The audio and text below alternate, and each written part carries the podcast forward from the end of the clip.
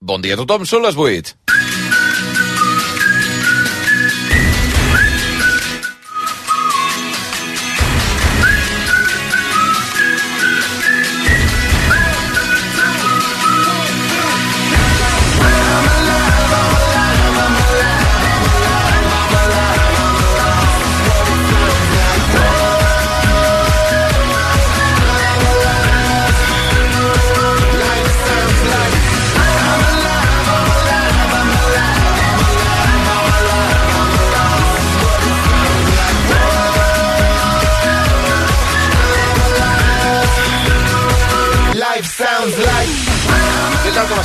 Benvinguts al Via Lliure en aquest matí de dissabte, dia 2 de març del 2024. Va, que el sol ja ha sortit.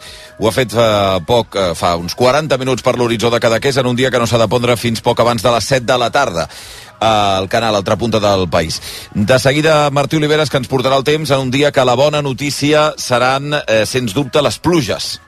No arriben encara, tranquils, encara tindreu tot el dia per, per gaudir d'una jornada que serà en general de bon sol, sinó cap a la tarda, vespre, que començaran a arrencar per les comarques de Lleida i Tarragona. Ja durant la nit i matinada s'han d'estendre arreu del país.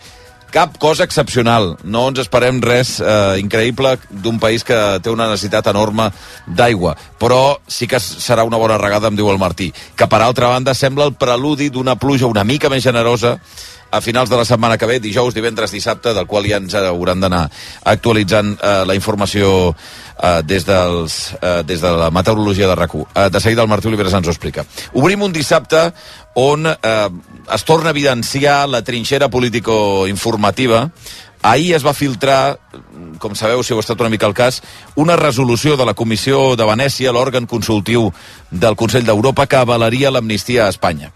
El posicionament oficial és cert que s'ha de votar encara a la comissió d'aquí a 15 dies, però aquesta en seria la conclusió. Un aval als objectius de normalització política a Espanya. És a dir, d'amnisties n'hi han, n'hi poden haver-hi, i amb l'objectiu de normalitzar la vida política té tot el sentit. Però també és un aval que té matisos importants com l'advertència que els tràmits per urgència en situació com aquesta, com aquesta amnistia, no tenen cap sentit en una situació així. I la trinxera és la que és, i el que per avui alguns eh, és un aval obert, absolut, tancat, en d'altres doncs bé, és més aviat assenyalar els matisos. En tot cas, el que sí que és cert és que l'amnistia no està aprovada, per molt que l'avali o no l'avali la Comissió de Venècia. El rellotge corre per aquesta aprovació a Espanya. La setmana que ve arriba el seu termini màxim i, per tant, ha de ser un cap de setmana que hauria de ser, vaja, en tot cas, de negociacions frenètiques, sobretot entre el PSOE i Junts per Catalunya. Però en un dia com avui, dia 2 de març del 2024, no deixa de ser una mica inquietant que continuen sent el focus informatiu paraules com amnistia o indult. Avui fa 50 anys de l'execució de Salvador Puig Antic, el jove revolucionari militant del moviment ibèric d'alliberament que va ser el darrer pres del franquisme a morir amb el cruel Garrot Vil.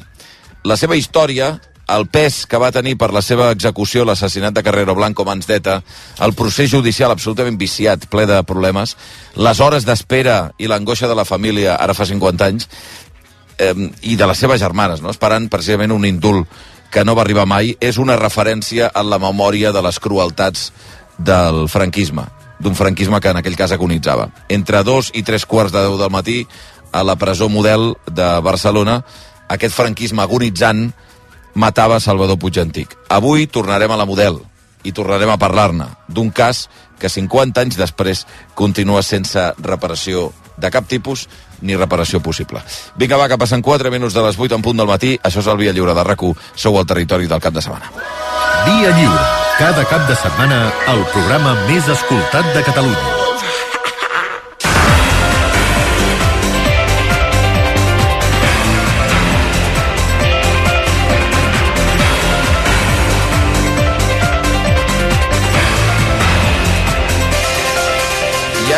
Del matí, la Mireia Caroleres a la sala de màquines dels serveis informatius. De què hem d'estar pendents avui, Mireia? Doncs de les reaccions que hi hagi a l'informe que es va filtrar ahir a la tarda vespre de la Comissió de Venècia, l'òrgan consultiu que depèn del Consell d'Europa i que avala amb matisos la legalitat de la llei d'amnistia. L'esborrany diu que els delictes de terrorisme no són amnistiables i també recomana que es defineixi l'àmbit temporal d'aplicació de la llei. Mentrestant, les negociacions de la llei d'amnistia entren ja a la recta final. Falten sis dies perquè s'acabi el termini per pactar-la i les converses es mantenen obertes. El PSOE, però, continua oposant-se a una de les exigències de Junts per Catalunya, que és precisament incloure els delictes de terrorisme. Aquest matí, d'aquí una estona, a quarts de deu, farà 50 anys de l'execució de Salvador Puigantic. L'anarquista va morir a mans del franquisme en un procés que va estar marcat per les irregularitats. Mig segle després, la presó va morir, la model de Barcelona comença avui un homenatge a la seva figura amb una trentena de referents del món de la cultura i del dret. I mentrestant, a Rússia, pendents de si continuen havent-hi detencions, de moment n'hi ha més de 120 arran del funeral d'Alexei Navalny i les protestes que es van produir dels partidaris del líder opositor que volen que s'aparti del poder Vladimir Putin. Ahir milers de persones, de fet, van desafiar el president rus amb proclames molt clares com ara Putin assassí. I també estan pendents dels pagesos que aquest migdia han de posar fi als talls que han afectat algunes de les vies principals del país des de dimarts. Ahir ja van retirar-se de la P7 i de l'N2 a l'Empordà, però a aquesta hora encara bloquegen l'A2 a Tàrrega. És l'únic tall important que queda després dels primers acords del sector amb el govern. Esports, Ricky Rubio ha tornat a jugar amb el Barça, 11 minuts amb 5 punts i una assistència al partit d'Eurolliga que els blaugrana han perdut al Palau Blaugrana contra el Mónaco per 67 a 77. València i Real Madrid s'enfrontaran aquesta nit en un partit d'alta tensió pel retorn de Vinícius a Mestalla després de l'incident racista de l'any passat a la primera divisió de futbol. I l'Espanyol pot atrapar el líder de segona, que és el Leganés, si guanya aquesta tarda l'Osca a Cornellà. I pel que fa al temps, arriba un canvi que notarem més al final del dia, quan la pluja guanyarà terreny i arribarà a qualsevol punt del país, a més acompanyada d'una baixada de temperatures important, amb vent i amb mala mar. Ara són les 8 i 6 minuts. I el que us dèiem, la Comissió de Venècia avala amb matisos la llei d'amnistia.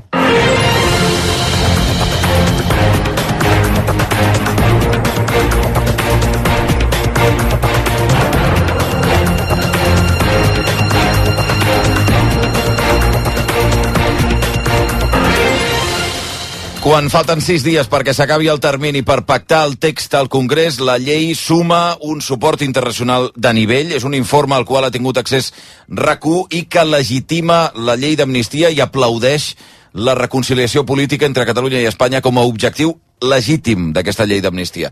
L'òrgan consultiu, aquesta comissió de Venècia, depèn, com sabeu, del Consell d'Europa i constata que la llei no té llacunes jurídiques, però demana que hi hagi consens per aprovar-la. L'informe, que encara és un esborrany, que s'ha d'aprovar en una votació eh, d'aquí a menys de 15 dies i que no és vinculant, deixa clar, això sí, que els delictes de terrorisme no són amnistiables i censura que s'estigui tramitant per la via d'urgència. De fet, recomana que es defineixi també l'àmbit temporal d'aplicació per tal de garantir els efectes que es busquen amb la llei. Última hora des de Madrid, Jordi Armenteres, bon dia. Sí, bon dia. L'aval de la Comissió de Venècia és a tot el text.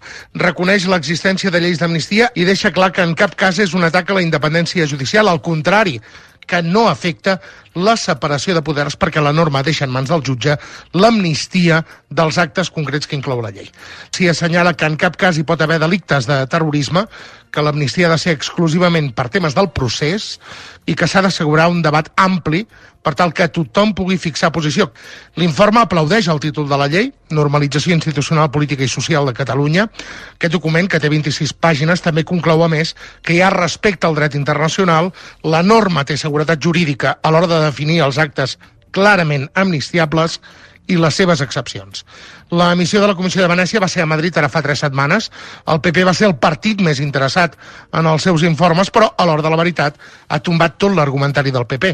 Aquesta comissió la integren exministres i primers ministres europeus a banda de juristes de prestigi a nivell internacional. Gràcies, Almanteres. El gest que arriba d'Europa dona una mica d'aire, és cert, a l'amnistia després d'una setmana marcada per la decisió del Tribunal Suprem d'imputar Carles Puigdemont i Rubén Wagensberg precisament per terrorisme. Per això el govern espanyol ja ha aplaudit l'informe i ha demanat al PP que replantegi el seu posicionament i que doni suport a la llei. Fons de la Moncloa diuen a rac que els de Feijó ho haurien de fer servir per fer un viratge al seu argumentari polític. Creuen que és hora de defensar la sortida del procés, rebaixar tensió i sumar-se a l'estratègia socialista. Aquestes fonts del govern espanyol culpen el PP d'intentar utilitzar la Comissió de Venècia, de fet ho van demanar ells, que fes aquest informe i sortir-ne escaldats perquè la futura amnistia és, diuen, legal, legítima i plenament respectuosa amb els estàndards internacionals. Un dels primers que va celebrar la notícia va ser el ministre de Presidència, Félix Bolaños, defensant que l'amnistia és una eina per la reconciliació,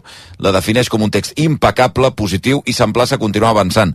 També ho celebren des de la Generalitat el president Pere Aragonès, que diu que des del principi han defensat que l'amnistia és necessària, justa i robusta. Aragonès carrega contra els que han intentat també boicotejar la negociació i els demana que prenguin nota de l'informe d'aquesta Comissió de Venècia. La consellera de Justícia, Gemma Ubasart, ho valorava també positivament al 324. És un aval important, eh? La Comissió de Venècia deixa molt clar que les lleis d'amnistia són compatibles amb l'estat de dret, amb la separació de poder. Per tant, aquest argument eh, que esgrimeix eh, la dreta doncs és un argument que no té recorregut. Una llei d'amnistia és perfectament um, compatible amb l'estat de dret um, i amb la separació de poders. Però, vaja, el que dèiem, les trinxeres hi són. El PP, per la seva banda, carrega contra la Moncloa per, diu, està manipulant l'informe de la Comissió de Venècia. En una piula a Twitter, la portaveu dels populars al Senat, Alicia García, diu que el text no avala l'amnistia i acusa en Pedro Sánchez d'estar desesperat per tapar la corrupció del cas Coldo. Més enllà de García, fons del PP ja han explicat fa dies que no els va convèncer gens la feina de la Comissió de Venècia, perquè en totes les reunions els juristes estaven sobretot més preocupats de la tramitació de la llei i dels procediments que es fessin bé, que no pas del fons de, del que significa aquesta amnistia. La lectura que avui en fa la premsa d'aquest esborrany també varia segons la línia editorial del diari, mentre el diari El País destaca que la comissió, si mirem a la premsa espanyola, que destaca que la comissió avala l'esperit de l'amnistia perquè considera que la reconciliació social i política són objectius legítims, mirem l'ABC, el govern espanyol assumeix com a aval la norma, consideracions generals sobre la llei d'amnistia, és la mateixa lectura que eh, en fa la Razón, que critica Moncloa, eh, per, per presentar com a conclusions observacions obertes. L'ABC i també el Mundo destaquen que l'informe de fet suggereix que seria preferible eh, fer una reforma constitucional. Per tant, hi ha qui assenyala el context general, hi ha qui assenyala més alguns dels matisos. Tot i així, aquest informe de la Comissió de Venècia és una empenta a les negociacions per la llei que entren, en principi, a la recta final. Com dèiem, falten sis dies només perquè s'acabi el termini pel pacte. El 7 de març, és a dir, dijous que ve, és l'últim dia perquè la Comissió de Justícia Justícia del Congrés doni llum verda al dictamen de la llei que després s'ha d'aprovar al ple. Doncs bé, malgrat el soroll dels jutges, amb la resolució de dijous passat del Tribunal Suprem que investiga Carles Puigdemont i Rubén Wagensberg per terrorisme, les converses entre Junts i el PSOE es mantenen obertes. Com en les últimes setmanes, hi ha silenci i discreció s'ha imposat a les files de tots dos partits per evitar fer cap pas en fals. Ahir, de fet, des de Barcelona, la vicepresidenta del govern espanyol, María Jesús Montero, confirmava que les negociacions fan via. No hay ninguna sorpresa respecto a cuáles eran las investigaciones, por tanto no provoca ninguna interferencia, ni para bien ni para mal, respecto a los acuerdos que se estaban intentando llegar a acordar ya de forma definitiva eh, para tener una ley de amnistía que el Gobierno de España, más allá de cualquier otra consideración, le parece imprescindible para pasar página. Però els socialistes continuen oposant-se a una de les exigències de les últimes setmanes de Junts, que és incloure precisament els delictes de terrorisme. De fet, l'eurodiputat Toni Comín deia ahir que la resolució del Suprem els carrega encara de més de raons per demanar que s'incloguin els delictes de terrorisme. Haurien d'influir només en un sentit, confirmació de la necessitat que la llei d'amnistia blindi davant dels intents del Tribunal Suprem de l'Audiència Nacional de manipular el delicte de terrorisme. Sabem que hi ha una voluntat de manipular, retorçar el delicte de terrorisme per intentar deixar la gent fora de la llei d'amnistia, doncs una raó més si en faltaven tot plegat en unes negociacions que l'advocat de l'altre investigat al Suprem, Rubén Wagensberg, espera que arribin a bon, a bon port. Andreu Bandereny avisava, però, que els jutges no ho posaran fàcil. En parlava ahir al món Confio que la solució política que es farà serà la millor. En tot cas, mm, suposo que la batalla jurídica serà ineludible. És a dir, hi hagi el redactat que hi hagi, el Poder Judicial intentarà trobar la fórmula per oposar-s'hi. Per cert que l'advocat, Van den Ende, va evitar dir si Wagensberg aniria a declarar o no al Suprem en cas que el citin. En canvi, el PP sí que s'agafa amb força la resolució del Suprem per afegir més llenya al foc. La vicesecretària d'Organització del PP, Carmen Funes, augurava a Ràdio Nacional d'Espanya poc futur a aquesta amnistia. el Estado de Derecho ayer se fortaleció frente a los intereses políticos eh, del gobierno y de aquellos partidos políticos que sostienen al gobierno. ¿Pueden aprobar la ley de amnistía? Posiblemente se cederá Pedro Sánchez cederá y aprobarán una ley de amnistía, pero lo que está realmente complicado es que esa ley de amnistía se aplique. Funes que en parlava, evidentment, abans de saber que la Comissió de Venècia avalava la legalitat de la llei d'amnistia. Més enllà del que és eh, pro pròpiament aquesta llei d'amnistia, també hem sabut aquesta nit passada, atenció, que Dani Gallardo, aquell jove condemnat a 4 anys de presó per les protestes post-sentència per manifestar-se a Madrid, es nega a entrar a presó i ha quedat en crida i cerca. El diari Ara ha avançat que Gallardo no s'ha lliurat voluntàriament a les autoritats després que ahir fos el dia límit perquè ho fes. L'Audiència Provincial de Madrid li va notificar que tenia tres dies per ingressar a presó, però Gallardo no ho ha fet i, per tant, està ara mateix en crida i cerca. Un quart de nou.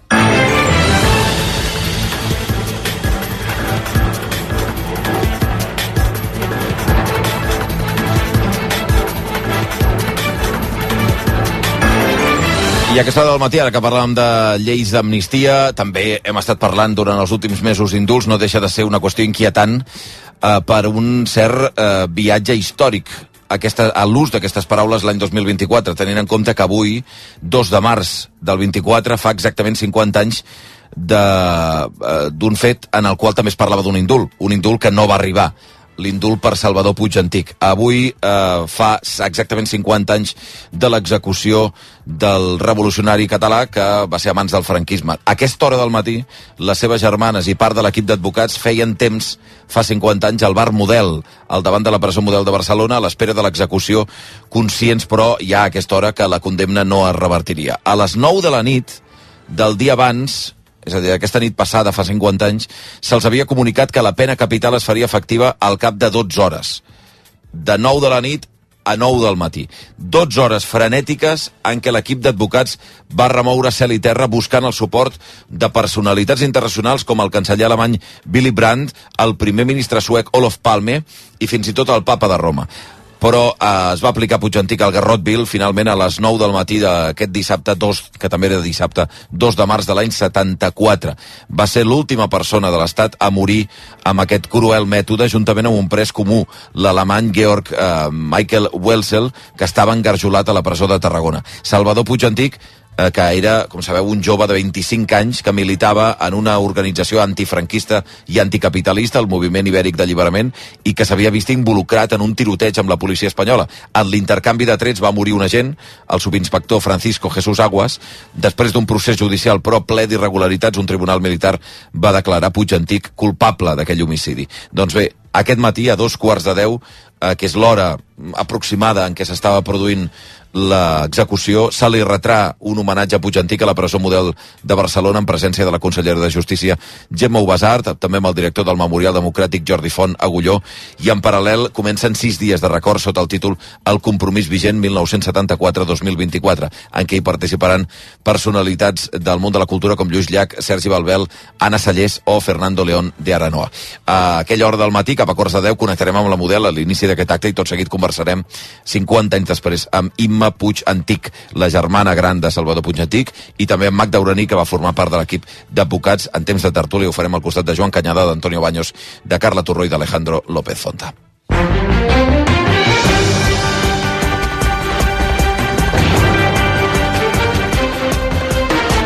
Les 8 i 18 minuts, però el d'avui també és un matí amb notícia a les carreteres, perquè avui els pagesos posaran fi aquest migdia als talls que han afectat algunes de les vies principals del país des de dimarts. Ahir van retirar-se ja de l'AP7 o de la N2 a l'Empordà, però aquesta hora encara bloquegen l'A2 a Tàrrega. És l'únic tall important que queda a les carreteres després dels primers acords amb el govern català per posar fi al malestar del sector. La via porta bloquejada, aquesta eh, A2, des de dimarts bloquejada, però avui finalment els pagesos retiraran els vehicles després que aquesta nit s'hagin fet diversos concerts aprofitant que no hi circulen els cotxes. Sapiguem quina és la situació en directe a aquesta hora a l'A2 i tenim el Julen Andrés. Julen, bon dia.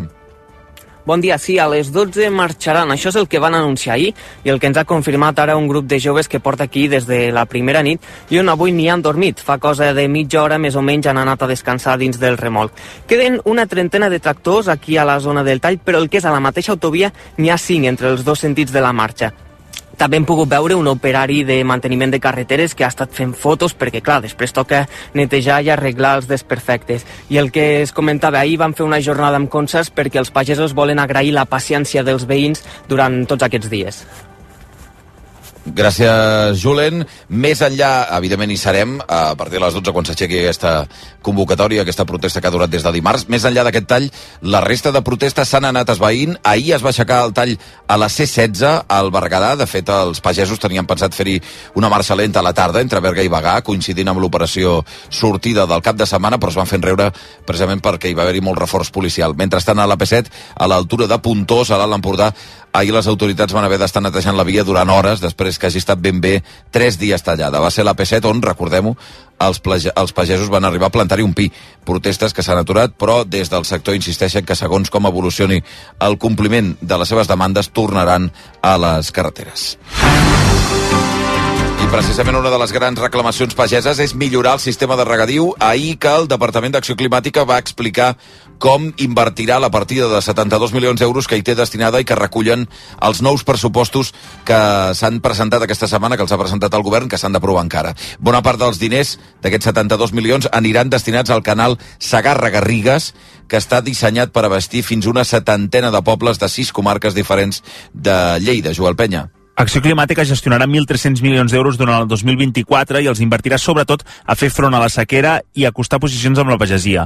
Dels més de 70 milions d'euros destinats a impulsar projectes de regadiu, 30 milions aniran al canal de Segarra-Garrigues, però també ha pressupostat recuperar el de Xerta Sènia i modernitzar-ne d'altres com el de la Conca de Tremp. En parlava el conseller David Mascort. És evident que les infraestructures de regadiu són essencials per millorar i modernitzar l'agricultura del nostre país i encara més en aquesta època de sequera en la qual vivim. I això Uh, per això, aquest any destinem més de 72 milions d'euros al programa destinat a inversions per la millora i modernització de regadius. Pel que fa a la sequera, hi ha més de 1.000 milions d'euros relacionats amb l'aigua i la manca d'aigua, entre els quals 170 milions destinats a ajudes al sector agroalimentari. Gràcies, Joel. Aquesta setmana que hem anat sabent també la lletra petita de bona part d'aquests pressupostos que, com dèiem, s'han anunciat. Ahir vam saber algunes novetats, com que el Departament de Salut invertirà 3.500 milions d'euros a l'atenció primària, prop d'un 30% dels 12.000 milions que gestiona el departament i que gestionarà el departament. El conseller Manel Balcells defensava que així esperen esmorteir el problema crònic que són les llistes d'espera de la sanitat. Això s'ha traduït en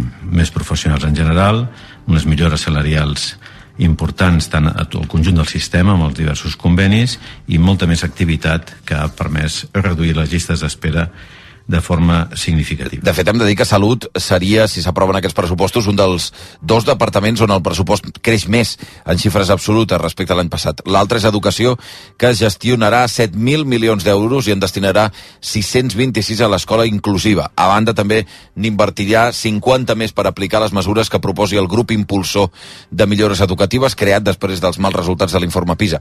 Ahir la consellera Simó deia que cal fer autocrítica per revertir la situació de l'educació a Catalunya entomar les crítiques, entomar allò que no funciona, forma part de les necessàries millores que hem de fer al departament. I saben també que sóc ben conscient, i així ho dic, que cal millorar els resultats educatius. I saben que això va de millorar l'acollida, va de millorar l'atenció a la diversitat, va de millorar l'atenció a aquells col·lectius més vulnerables. Pel que fa al Departament d'Interior, la principal novetat que va anunciar ahir Joan Ignasi Helena va ser la compra de 300 càmeres personals pels Mossos, pel que fa al cos de bombers i a les portes d'un estiu que es preveu molt, molt complicat. Les principals millores seran la compra d'una seixantena de nous vehicles i la contractació de 240 nous agents. El conseller defensava que els nous comptes serviran també per donar millor resposta davant les emergències. Permeten continuar enfortint de forma molt notable el sistema de seguretat i emergències del país de fer-lo més sistema, de fer-lo més trebat, de fer-lo més potent, de fer-lo més eficaç, de fer-lo més fort. El cos que surt més beneficiat dels nous pressupostos és el dels agents rurals, que feia 15 anys que no es contractava ningú i aquest any s'han incorporat un centenar de persones noves al cos. Però perquè s'aprovi aquests eh, pressupostos, que ja tenen l'aval, evidentment, del govern i del Partit dels Socialistes, caldria també els vots dels comuns. I en les últimes hores el govern intensifica aquesta pressió sobre el partit perquè avalin el, els pressupostos, perquè donin llum verda. Els demana que s'empassin el gripau del Hard Rock per desencallar uns comptes expansius que rondarien els 43.700 milions d'euros. La consellera d'Economia, Natàlia Mas, argumenta que eh, aquest projecte del Hard Rock no pot posar en perill les inversions socials. N'ha parlat en una entrevista a l'Ara. És un projecte que han d'executar unes parts privades, uns operadors privats. Per tant, la part d'implicació del govern és una part acotada i absolutament reglada. I hem d'entendre entre tots que una qüestió tan complexa no pot um, doncs, paralitzar un país amb, amb qüestions tangibles. Els comuns que estan absolutament en contra del projecte del Hard Rock eh, estan debatent-se si mm, aturar les negociacions, eh, votar en contra dels pressupostos, eh, embarrancant-se precisament en aquest projecte, o si no poden impedir el projecte, com a mínim a evitar que tingui beneficis eh, fiscals. I per això han presentat una llei al Parlament amb l'objectiu que pagui eh, un 55% d'impostos, no un 10, que és el que preveu la llei. Moviment de força en plena negociació pressupostària, Laia Colomer. Sí, a Catalunya ara els casinos tributen entre un 20 i un 55% segons la facturació. Ara bé, el 2014, Convergència i Unió i el PSC van forçar una clàusula a la llei perquè en el moment que comencés a funcionar el macrocasino de Vilaseca i Salou, la tributació passés a ser de només el 10%. Uns beneficis fiscals que es van prometre llavors Barcelona World per retenir-lo i evitar que marxés cap a Madrid, però que també afectaria a la resta de casinos del país, que ara paguen molt més en impostos. La proposta dels comuns vol precisament eliminar aquesta clàusula que es va va afegir a propòsit pel Hard Rock, per una banda, per desincentivar el projecte i que els impulsors s'ho repensin, però també reconeixen per afegir pressió al govern enmig de les negociacions dels pressupostos i evidenciar, diuen, que el macrocasino és un despropòsit. Doncs bé, gràcies, Laia. Mentre el govern manté les negociacions amb els comuns pels pressupostos, qui segur que no hi votarà a favor és la CUP. Els anticapitalistes s'han aixecat ja de la taula després que el govern ha tancat l'entesa amb el PSC i no només hi votaran en contra, sinó que també presentaran esmena a la totalitat. Ho anunciava la diputada Mar Empordanès. No veiem marge d'entesa amb un govern que viu de les engrunes del PSC. Per tant, traslladarem a la militància el contingut d'aquestes converses, les valoracions que en fem i durant els propers dies els demanarem que ratifiquin la presentació d'una esmena a la totalitat d'aquests pressupostos. La CUP ho va traslladar al govern ahir al matí en l'última reunió que van tenir precisament sobre els pressupostos. 4 minuts i dos quarts de nou del matí, un apunt més, eh, i de seguida passarem al cas Coldo, que és un dels que ha marcat i continua marcant l'agenda política a tot l'Estat. Eh, un apunt més, ara que parlem dels pagesos i de les seves protestes i dels acords pel regadiu. Clar, la sequera ha estat una de les qüestions clau. Ahir vam saber que Barcelona vol aprovar una ordenança mm, per fer front a la sequera que obligaria als nous habitatges que es construeixin a reutilitzar l'aigua de dutxes, piques i bidets. Enmig d'aquest context d'emergència per sequera, l'Ajuntament calcula que d'aquí 5 anys la capital podria estalviar uns 300.000 metres cúbics, quantitat que equival gairebé a 89 piscines olímpiques. L'enginyer en cap del consistori, Oriol d'Altisenc, explicava que es tracta d'instal·lacions barates i eficients. Són aigües que volem reaprofitar. És aigua potable que no podem deixar marxar del sistema.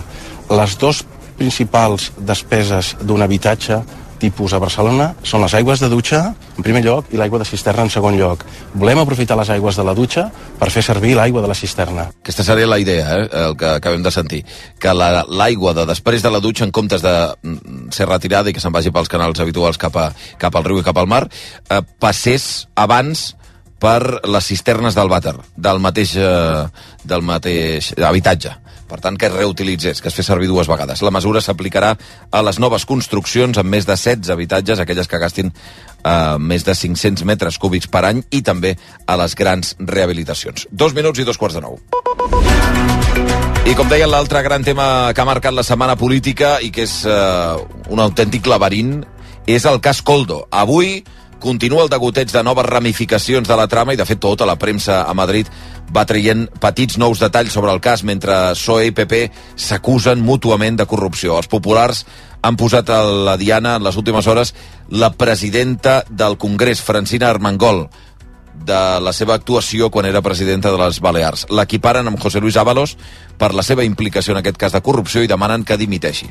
Es una señora que está incapacitada para seguir un solo día más al frente del cargo que ocupa. No podemos tener al frente del Congreso de los Diputados a una persona implicada y salpicada por estas cuestiones. Es insostenible. La presidenta Armengol no puede llegar como tal al próximo pleno del Congreso de los Diputados. Les veus que sentíem eren les de Miguel Tellado, Carmen Funes i Borja Semper, tots ells del Partit Popular, però és que tots els càrrecs del PP que hi van tenir un micròfon al davant van entomar exactament el mateix discurs demanant la dimissió de la presidenta eh, del Congrés, Francina Armengol. El PSOE, que per la seva banda ha sortit a defensar la, la expresidenta de les Balears, presidenta del Congrés, i assegura al PSOE que quan es va detectar el frau a la partida de mascaretes, que és l'inici de tot aquest eh, d'aquestes aquest, dificultats, el govern balear, que llavors presidia Armengol, va iniciar una reclamació i que després va ser el PP qui ho va aturar amb el canvi de govern. Per això els socialistes contraataquen i assenyalen, en aquest cas, el portaveu parlamentari del PP, Miguel Tellado, un dels tres que hem sentit ara, que apareix mencionat a les converses telefòniques intervingudes per la policia. El PSOE creu que Tellado hauria de seguir l'exemple d'Avalos i intueix que el tal Alberto que cita el jutge sense cognom és Feijó. En parlava ahir la socialista Mercedes González a Antena 3 y aparece citado un tal Alberto.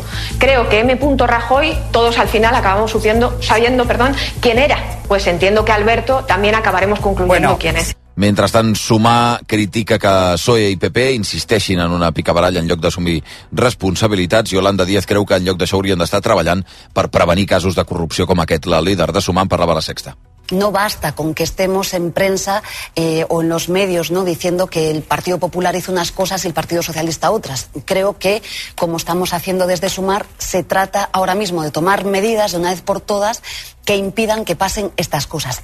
Díaz diu que la trama preocupa i molt Pedro Sánchez i lamenta que Avalos no hagi entregat l'acte de diputat.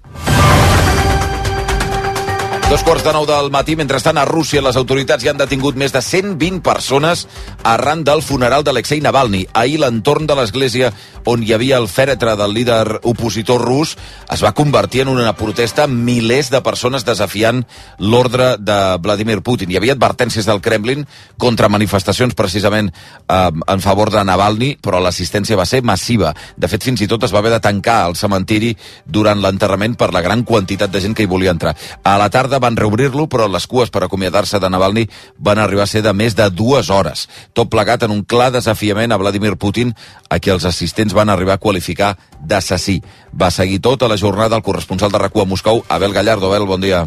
Bon dia. El Kremlin volia impedir que el comiat a Navalny es convertís en una protesta contra l'aparell polític de Rússia. Fins i tot al barri on es va dur a terme el funeral i l'enterrament, totes les connexions a internet i la telefonia van deixar de funcionar fins al punt, per exemple, que aquesta emissora, RAC1, li va ser impossible informar en directe des de Moscou ahir del seguiment massiu del darrer adeu al líder opositor.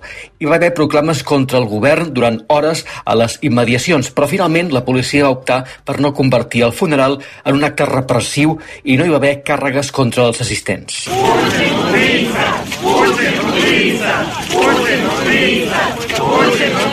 Putin assassí van cridar els seguidors de Navalny o Rússia serà lliure, també van corejar mentre la policia s'ho mirava. A les 10 de la nit, més de 5 hores després del funeral, encara hi havia cua per accedir al cementiri en un moment en què molta gent se sent impotent davant un govern que és capaç de tot per mantenir-se en el poder, els ciutadans contraris a Putin van convertir el funeral en un acte per recordar que la lluita de Navalny continua, un adeu que també va dignificar la figura del líder opositor. Gràcies, Abel. De moment, com dèiem, 120 detinguts, tot i que una part important de la premsa internacional no descarta que les detencions de veritat arribin en les pròximes hores. Passen ara 3 minuts de, de dos quarts de nou. I tornant a casa nostra, l'Ajuntament de Badalona no multarà les obres il·legals que s'hagin fet als blocs desallotjats de, per risc d'esfondrament. De, Són parets mestres que s'han tirat a terra o construccions als àtics que suposen sobrepès per l'estructura. Tot i això, l'alcalde García Albiol diu que si els informes ho requereixen, els veïns hauran d'acatar la decisió. Nosaltres no anirem a sancionar ningú. El que sí que anirem, i ja serem molt seriosos, és que les mesures que tinguin que dur a terme, com per fer no, noves, noves parets o, o eliminar habitacions dels àtics perquè s'han construït de manera il·legal i el sobrepès afecta, doncs aquí sí que estarem molt vigilants de que això es compleixi perquè és una qüestió de, de seguretat per als veïns. Doncs mentre deia això el Viol, ahir al migdia es va desallotjar un cinquè bloc de pisos del carrer Ausias Marc per risc que caigués, en aquest cas és el número 116, just al darrere del que es va ensorrar al carrer Canigó i on van morir tres persones. Entre els cinc edificis, el que es va esfondrar fa tres setmanes i quatre més, hi vivien un centenar de famílies, Jordi Claret. La decisió es va prendre després d'unes inspeccions tècniques en què es va detectar esquerdes al fals sostre de la quarta planta. El bloc es va desallotjar completament durant el migdia i només tres persones van necessitar allotjament. Tot i que la Generalitat ahir va cedir cinc habitatges al consistori badaloní per allotjar els afectats, l'alcalde Xavier García Albiol ha dit que són pisos que ja estaven promesos per usos socials. Per això ha demanat més consideració. Demanaria, home, que féssim un esforç eh, sincer eh, extraordinari perquè estem davant d'un fet extraordinari, no? I, home, sí que està molt bé que ens posin pisos, però que no siguin pisos que ja estaven previstos per a altres famílies que estan a la llista d'espera. Mentrestant continuen les inspeccions dels habitatges més propers. En porten 100 de revisats i preveuen acabar abans de la primera quinzena de març. I mentrestant els arquitectes demanen més revisions als edificis antics, reclamen que, canvi, que cal canviar els protocols per garantir que no es posi en risc els veïns. En una entrevista al 9C de rac l'arquitecte i exdirector de model urbà de l'Ajuntament de Barcelona, Ton Salvador, va explicar que hi veu falta de prevenció amb un parc d'habitatge envellit d'una època es va construir amb molta rapidesa i amb un marc normatiu molt precari. Això fa que molt d'aquests habitatges de l'època de màxim creixement poblacional, molta vegades són edificis fets amb poques mm. mesures i ho comparava amb l'ITB del cotxe. Diu que els conductors no porten el vehicle a la revisió perquè l'obliguen, sinó per tenir més seguretat. Thank you.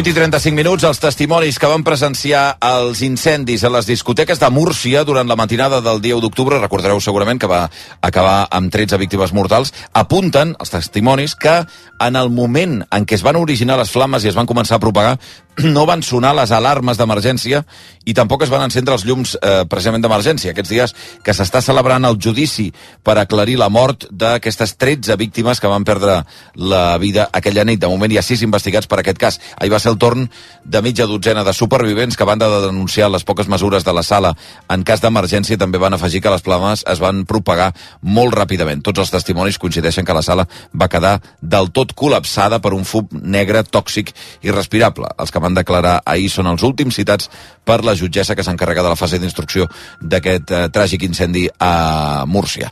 Mentrestant, a València, vuit dies després de l'incendi al bloc de pisos en què hi van morir 10 persones, ahir els bombers van rescatar, atenció, vuit dies després, un gat que s'havia quedat atrapat a l'interior de l'edifici. Te traigo aquest era el moment en què les autoritats l'entregaven a la seva propietària. El van trobar a la planta número 13, dos per damunt eh, d'on residia, mentre recuperaven documentació del pis sinistrat. Estava amagat a la columna seca de l'edifici, l'espai d'emergència preparat perquè els bombers puguin actuar. Ahir que, eh, precisament, eh, van començar les falles de València amb un minut de silenci en record a les víctimes. I novetats en el cas de l'accident a l'atracció Tomahawk de Port Aventura. Fa ara tres setmanes, segur que us recordareu, ens va enganxar a mig via lliure. Les víctimes s'han unit per denunciar el parc. Són 13 afectats per la caiguda d'un arbre al damunt d'una muntanya russa infantil. L'advocat diu que reclamaran el màxim d'indemnitzacions que permeti la llei. Més detalls des de Tarragona. Esteve Giral, bon dia. Hola, bon dia. Sí, els Mossos d'Esquadra han estat recollint el testimoni dels passatgers que anaven damunt la muntanya russa i també dels treballadors i responsables del parc. A l'espera de l'atestat policial, 13 dels 14 ferits han decidit ja denunciar PortAventura per un presumpte delicte de lesions. Sergi Ramos és l'advocat de les famílies i ho avançava ahir a la CN. Demanarem el rescabalament de les màximes indemnitzacions possibles per als nostres representats i, en el seu cas, les possibles penes aparellades a cada delicte. L'advocat de la majoria dels afectats per l'accident del Tomahawk el diumenge 11 de febrer assegura que PortAventura fins ara s'hi ha posat bé. I per ara la seva predisposició és bona per tal de suportar totes les despeses mèdiques, eh, d'allotjament, etc. La vagoneta no va frenar, segons expliquen diversos testimonis, i 14 dels passatgers van patir ferides de diversa consideració al rebre l'impacte mentre passava l'atracció de les branques de l'arbre caigut. Tres dels passatgers van haver d'ingressar a l'unitat de cures intensives. Un d'ells segueix de fet encara ingressat a l'Hospital de Bellvitge. 8 i 39 minuts, eh, aquesta que ha estat la setmana del Mobile World Congress, si heu estat a Barcelona, segur que deveu haver vist eh, alguna, o unes quantes, furgonetes negres amb els vidres pintats i la matrícula probablement de color blau. Són vehicles que es deixen veure de tant en tant, però que aquesta setmana, coincidint amb el Congrés Mundial de Mòbils, han inundat directament els carrers de la ciutat. El sector del taxi calcula que n'hi havia prop de, atenció, 2.500 vingudes de diverses comunitats autònomes o de l'estranger. Eh, són, eh, comptant també els vehicles BTC que han arribat des d'altres llocs de l'Estat per aprofitar el boom del mobile, per fer tots aquests transports amb els assistents. Doncs bé, el cas és que per contradictori que sembli, els taxistes diu que respiren alleugerits després que hagi acabat el Congrés perquè, segons ha explicat Elite Taxi a rac la presència massiva d'aquestes furgonetes a la ciutat ha fet que la fira no els sortís tant a compte com d'altres ocasions, Víctor Collell. Sí, l'Associació de Taxistes explica que l'enorme presència d'aquests vehicles que normalment no circulen per la ciutat fa que el trànsit a moltes parts de Barcelona s'acabi col·lapsant, sobretot a l'entorn del Congrés, a la Fira Gran Via. El president d'Elite Taxi, Oliver Contel, ha dit a rac que tot i que la ciutat aculli més de 100.000 visitants, el sector no se'n veu gaire beneficiat, sobretot, com dèiem, per culpa d'aquest caos circulatori. No, no, no, no compensa. Anem perquè tens que donar servei clar, estaria molt lleig que el taxi no anés, però tens un munt de minuts per entrar a fira i un munt de minuts per portar una altra persona. Això al taxi no és bo, perquè el que interessa és córrer, deixar una persona el més ràpid possible. Contel explica que els dos primers dies del Mobile la facturació dels taxistes puja més o menys un 20%, però que la resta de dies no es dispara de forma notable ni de bon tros.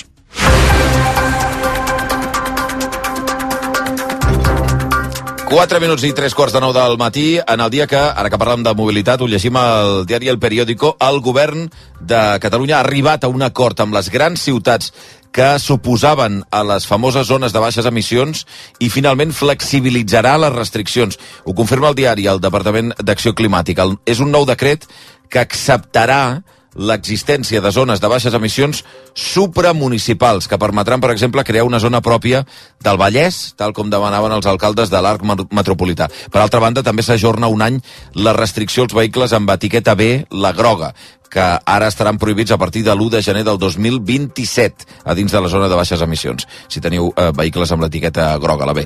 En canvi, una de les al·legacions que no ha acceptat el govern és la de concedir excepcions per als residents a les ciutats, que hauran de complir finalment amb les mateixes restriccions que els conductors no residents. Sí que hi haurà, però, una excepció per rendes baixes. Està previst que el decret passi pel Parlament la setmana que ve, quan es votarà una moció proposada pel PSC, tot i que l'executiu no descarta aprovar el pla sense consens.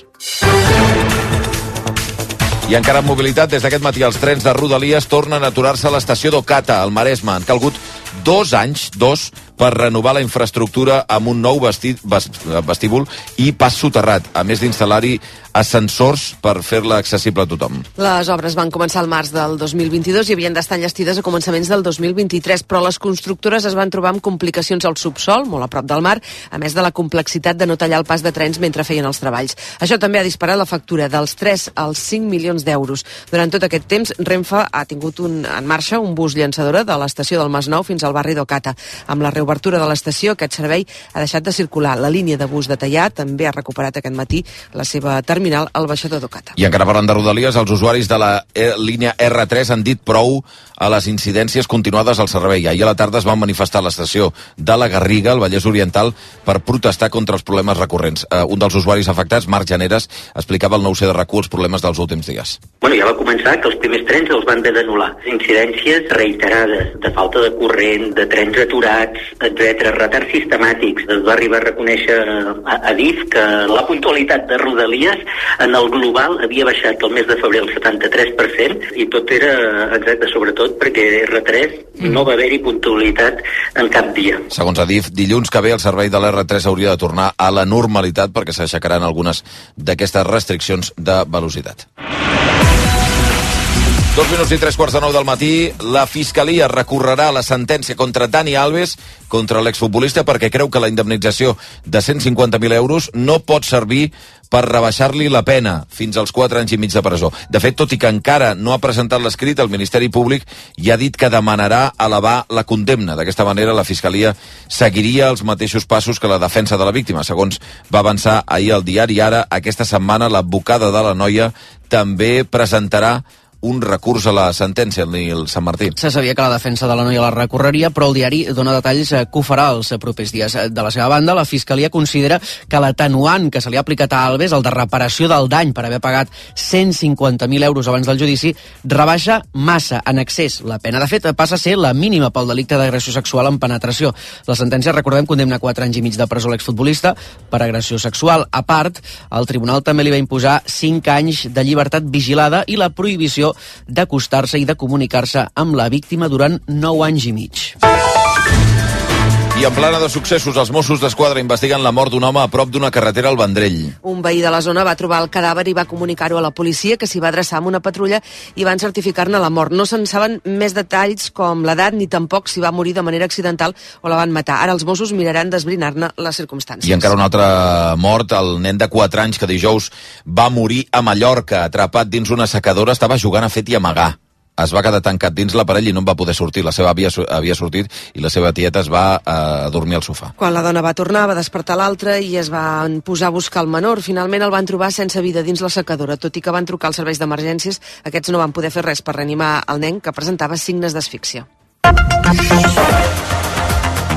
Tres quarts de nou del matí i en plana internacional al Pròxim Orient Hamas diu que en les últimes hores han mort set hostatges israelians pels bombardejos de l'exèrcit hebreu sobre Gaza. De moment han revelat la identitat de tres d'aquestes víctimes. Segons Hamas, els atacs hebreus hi han provocat la mort de 70 israelians a la franja. Mentrestant, els Estats Units insisteixen que continuen treballant per un alto al foc i l'alliberament dels retinguts. La Casa Blanca també ha anunciat que s'afegirà a la llista d'estats que llançaran ajuda humanitària a Gaza des de l'aire. Ho va anunciar ahir des de la, després de la matança per part d'Israel de més d'un centenar de civils palestins que s'acumulaven al voltant de camions d'aliments. Precisament les Nacions Unides investigaran aquesta massacre amb les imatges que mostren com tancs i drons eh, d'Israel obren foc indiscriminadament contra un miler de persones. Un atac que, segons Hamas, ha provocat més de 750 ferits. L'exèrcit hebreu no ha negat l'operació, però de moment parla de desenes de morts fruit d'empentes i trepitjades per aconseguir menjar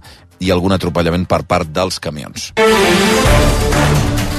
I en canvi, encara en l'àmbit internacional, a l'Argentina, Javier Milei, el president, ha donat el tret de sortir del curs polític amb un discurs al Congrés on ha carregat contra l'herència del govern anterior i contra el que anomena model de la casta. Ha intentat seduir la resta de partits cap a un nou contracte social pràcticament refundacional. Corresponsal de RACU a Buenos Aires, Berta Reventós, bon dia. Bon dia. La pitjor herència de la història és com denomina Javier Milei el 60% de pobresa i 50% de treball informal a l'Argentina. En un discurs on ha lluat els seus primers 82 dies de gestió, el president ha reiterat que el canvi que la majoria dels argentins han votat no es negocia. Milei ha obert les portes a que tothom abraci les idees de la llibertat i ha advertit que ell no es mourà ni un mil·límetre de les seves promeses polítiques. Nuestras convicciones son inalterables. Ordenaremos las cuentas fiscales de la Argentina con o sin la ayuda del resto de la dirigencia política. Quiero convocar tanto a gobernadores como expresidentes y líderes de los principales partidos políticos a que depongamos nuestros intereses personales para la firma de un nuevo contrato social que establezca los 10 principios del nuevo orden económico argentino. Nosotros solo pensamos en defender la causa de la libertad, en reconstruir nuestra nación, en brindarle un futuro de prosperidad a nuestros hijos a cualquier precio. Milei ha invocat les forces del cel i les ovacions dels seus seguidors han estat constants a dins de l'hemicicle, mentre que a fora organitzacions socials i sindicals s'han concentrat en repudi al rumb del nou govern. Ara passen 3 minuts de 3 quarts de 9. I abans que passem amb la informació cultural, dos apunts més. Un, per explicar-vos que avui acaba el termini perquè les empreses de més de 50 treballadors incorporin el pla LGTBI, que forma part de la llei trans i que vol posar fi a la discriminació del col·lectiu a la feina, a més d'establir un protocol per actuar en casos d'assetjament. Per exemple, l'empresa s'haurà d'adreçar a les persones transexuals en el gènere que ells desitgin eh, i hauran de tenir els mateixos drets i beneficis que tothom. També s'haurà de fer servir un llenguatge inclusiu i tota la plantilla haurà d'estar al cas de com ha de tractar el col·lectiu LGTBI. Doncs bé, segons PIMEC, la majoria d'empreses han incorporat el pla, però és probable que la setmana que ve encara hi hagi companyies que no el tinguin. Ho reconeix a RAC1 Itzia Ruedas, directora del Departament Jurídic de PIMEC, que denuncia que és massa genèric el pla les empreses s'estan posant com activant aquest darrer mes i mig i jo crec que hi ha moltes empreses que es trobaran treballant per incorporar-ho. Que ja, ja digui, a partir de la setmana que ve totes les empreses tindran el pla de mesures LGTBI, no. I no perquè precisament s'esperava que sortís una norma concreta especificant a què s'estava referint quan eh, aquest article parlava de mesures i recursos. Les empreses que no l'apliquin s'exposen a sancions entre 200 i 150.000 euros. Des de l'Observatori contra l'Homofòbia valoren el pla positivament perquè creuen que és imprescindible per protegir les persones transexuals, Bàrbara Padilla. El president de l'organisme, Eugeni Rodríguez, diu que són els més vulnerables i els que pateixen més discriminació o directament queden fora del mercat laboral. Amb el pla, assegura, estaran més protegits. Són declaracions a RAC1. Teníem la necessitat que es regulés d'una forma garantista tot el món laboral perquè són moltíssims els problemes, discriminacions que patim, sobretot i ens preocupava moltíssim, era la situació de les dones trans, perquè moltíssimes vegades les persones trans eh, estan excloses ja directament de la possibilitat d'entrar en el camp laboral. A la pràctica, això vol dir, segons Rodríguez, que si una persona està en procés de canvi de sexe, se l'haurà de tractar com ell o ella demani. I si canvia de nom, també. D'altra banda, si algú denuncia que pateix insults, s'haurà d'activar de forma immediata el protocol d'assetjament. 10 minuts i les 9, Elon Musk denuncia OpenAI per posar els seus beneficis per davant dels interessos de la humanitat. Aquesta és la companyia que ell mateix va cofundar, per cert, i que és al darrere de ChatGPT. Elon Musk, que va abandonar l'empresa al cap de 3 anys, també ha demandat el seu antic soci, actual director executiu de l'empresa, Sam Altman. El propietari de Twitter creu que OpenAI ha deixat de banda l'objectiu pel qual es va fundar la companyia el 2015, desenvolupar la tecnologia sense ànim de lucre per beneficiar el bé comú. Musk critica que l'empresa s'ha convertit en una subsidiària del factor de Microsoft, la tecnologia més important del món, la tecnològica més important. De fet, acusa Altman d'haver maniobrat amb Microsoft per fer-lo fora de la junta directiva que vetllava perquè aquesta tecnologia beneficiés tota la humanitat. 9 minuts i les 9 del matí, de seguida l'agenda cultural del dia a nivell de música i també de cinema.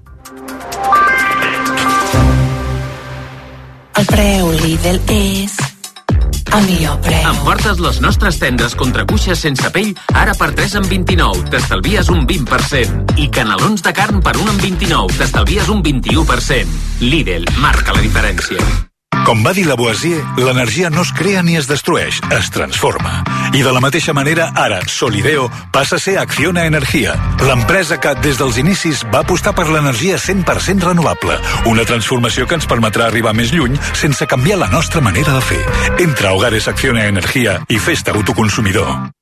Aquesta Setmana Santa amb Rosa dels Vents gaudeix de les primeres vacances de l'any en família.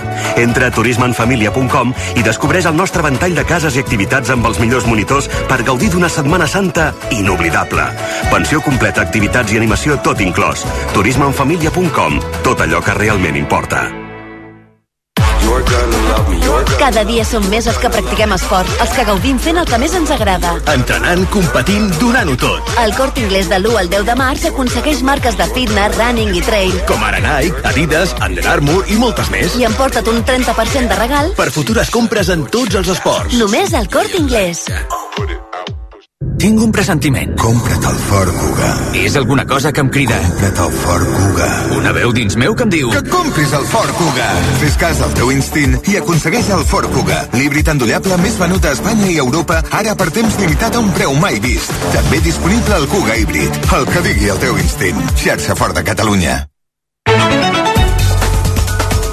Minuts i arribarem a les 9 del matí en plana cultural. Segon dia d'activitat al Festival de Cinema de Màlaga. Avui arriba una de les pel·lícules més esperades del certamen d'aquest any. ¿Qué tal, Luisa? Soy yo. A ver, Colombo, te van a llevar del juzgado para la firma. Espero que el viernes estés en Valencia. és Pájaros, del director d'Alcoi, Pau Durà, i que protagonitzen dos dels actors amb més reconeixement del cinema espanyol d'avui, Javier Gutiérrez i Luis Zaera, cadascun amb dos premis Goya a l'esquena. La seva projecció serà el gran atractiu del Festival de Màlaga després que ahir va triomfar a la gala inaugural el director català Salvador Simó. Més detalls enviat especial de RACU a Màlaga. Eudal Martínez, bon dia. Bon dia, Salvador Simó va superar amb èxit de públic i crítica el repte d'inaugurar un festival com el de Màlaga amb una pel·lícula d'animació i pensada sobretot per un públic familiar. Ho va fer amb Dragon Keeper, Guardiana de Dragones, una adaptació a la gran pantalla del best-seller de Carol Wilkinson.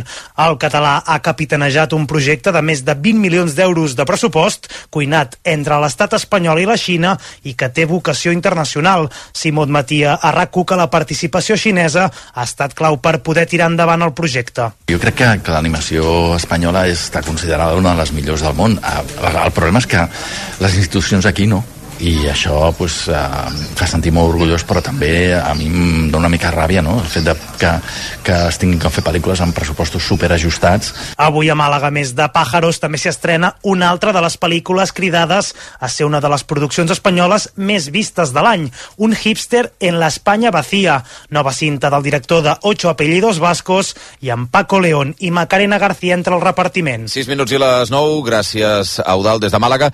Eh, I per cert, en plana musical ara de seguida repassarem l'agenda del dia, però eh, una de les qüestions clau d'avui pel Via Lliure és que ens visitarà a partir de les 12 del matí, després de presentar ahir i de sortir a la venda el seu nou disc, avui Guillem Gisbert al Via Lliure. Em deia la masurca, em deia la em deia el cantant de Manel, que ara ha engegat la seva carrera en solitari en espera del retorn del grup, ha publicat el disc Balla la Masurca, el mateix nom que la cançó que, que és de presentació de l'àlbum i que estem sentint. Un disc que precisament inclou alguns temes que recorden, eh, això serà com el joc del gat i la rata els últims, eh, les pròximes setmanes, eh? a veure què recorda i què no a Manel. Per exemple, les aventures del general Lluna. Quan el teu avi de Cuba a bord del català jo anava... Aquesta una cançó amb aires dilanians claríssims, amb el suport de la Ludwig Band, també en aquesta cançó. Però també n'hi ha d'altres amb estils molt diferents, com aquest Empatia Total. Vindrà,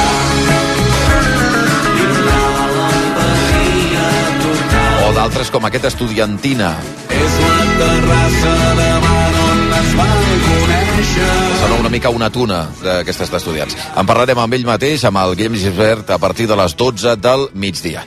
L'agenda de concerts d'avui, però, arrenca amb la contundència dels britànics Idols. I give myself to you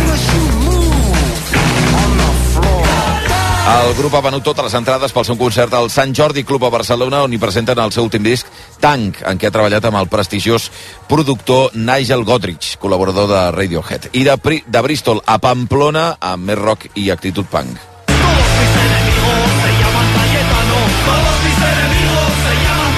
Lendacaris Muertos estan de gira per celebrar els 20 anys de carrera i també d'un Morgan Berro que avui desplegaran a la sala Rasmatas a Barcelona. I una altra rockera, tot i que molt diferent, és Cristina Rosenbinge. Avui la madrilenya presenta nou disc a l'Auditori de Girona. I aquest cap de setmana també arriba una de les veus més reconeixibles del país. No!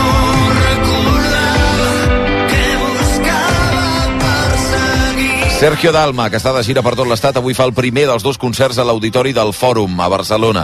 Allà hi presentarà els temes del seu últim disc, en què manté aquest so enèrgic i optimista, però també les balades. I fem un altre gir radical d'estil amb Lil Dami. El raper de Terrassa, que actua avui a la sala Salamandra, l'Hospitalet, com un dels noms destacats de la programació d'aquest cap de setmana del festival Let's. I acabem amb el reggae d'Adala. La vida és aprendre a viure en un etern camí. Després d'un any intens amb actuacions a un munt de festivals, Adala presenten avui el seu quart disc titulat Delta a la sala Paral·lel 62 de Barcelona. I de seguida, els esports.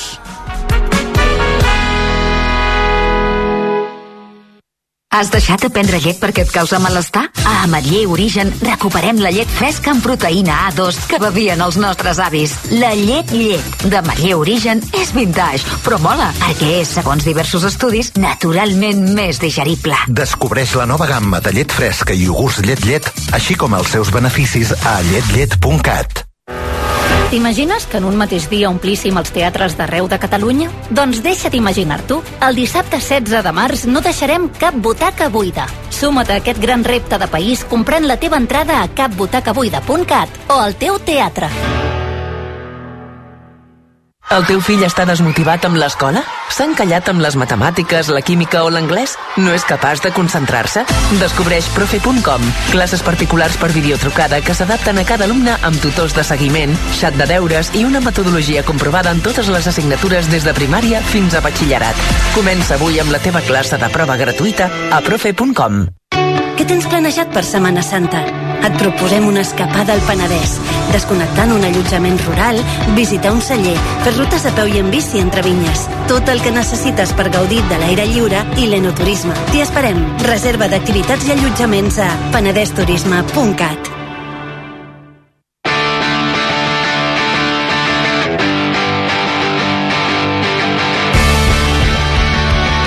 minut i arribarem a les 9 del matí. Hola, Quim Salvador, bon dia. Hola, Xavi Bundó, molt bon dia. Anem a repassar els esports. De seguida parlarem de Ricky Rubio, que ahir es va Sí. tornar a posar la samarreta del Barça, malgrat eh, la derrota, però avui és interessant eh, el cap de setmana que arrenquem des del punt de vista futbolístic, perquè és cert que Barça i Girona no juguen fins demà al camp dels finalistes de Copa, l'Atlètic de Bilbao i Mallorca, partidars, partidassos els dos, però especialment el del Barça Atlètic de Bilbao, però aquest vespre juga un dels partits també més esperats d'aquesta lliga, té molt de morbo, té moltes coses mm, extraesportives, és el primer València-Madrid des del polèmic episodi racista que s'hi va viure la temporada passada amb Vinícius de protagonista. És el Sí. retorn de Vinícius a Mestalla. El davanter brasiler del Madrid el van expulsar després d'una picabaralla i d'enfrontar-se al públic valencià perquè va rebre insults racistes. El futbolista i el Madrid van culpar-ne tota l'afició de Mestalla, però el València ho va reduir a tres seguidors que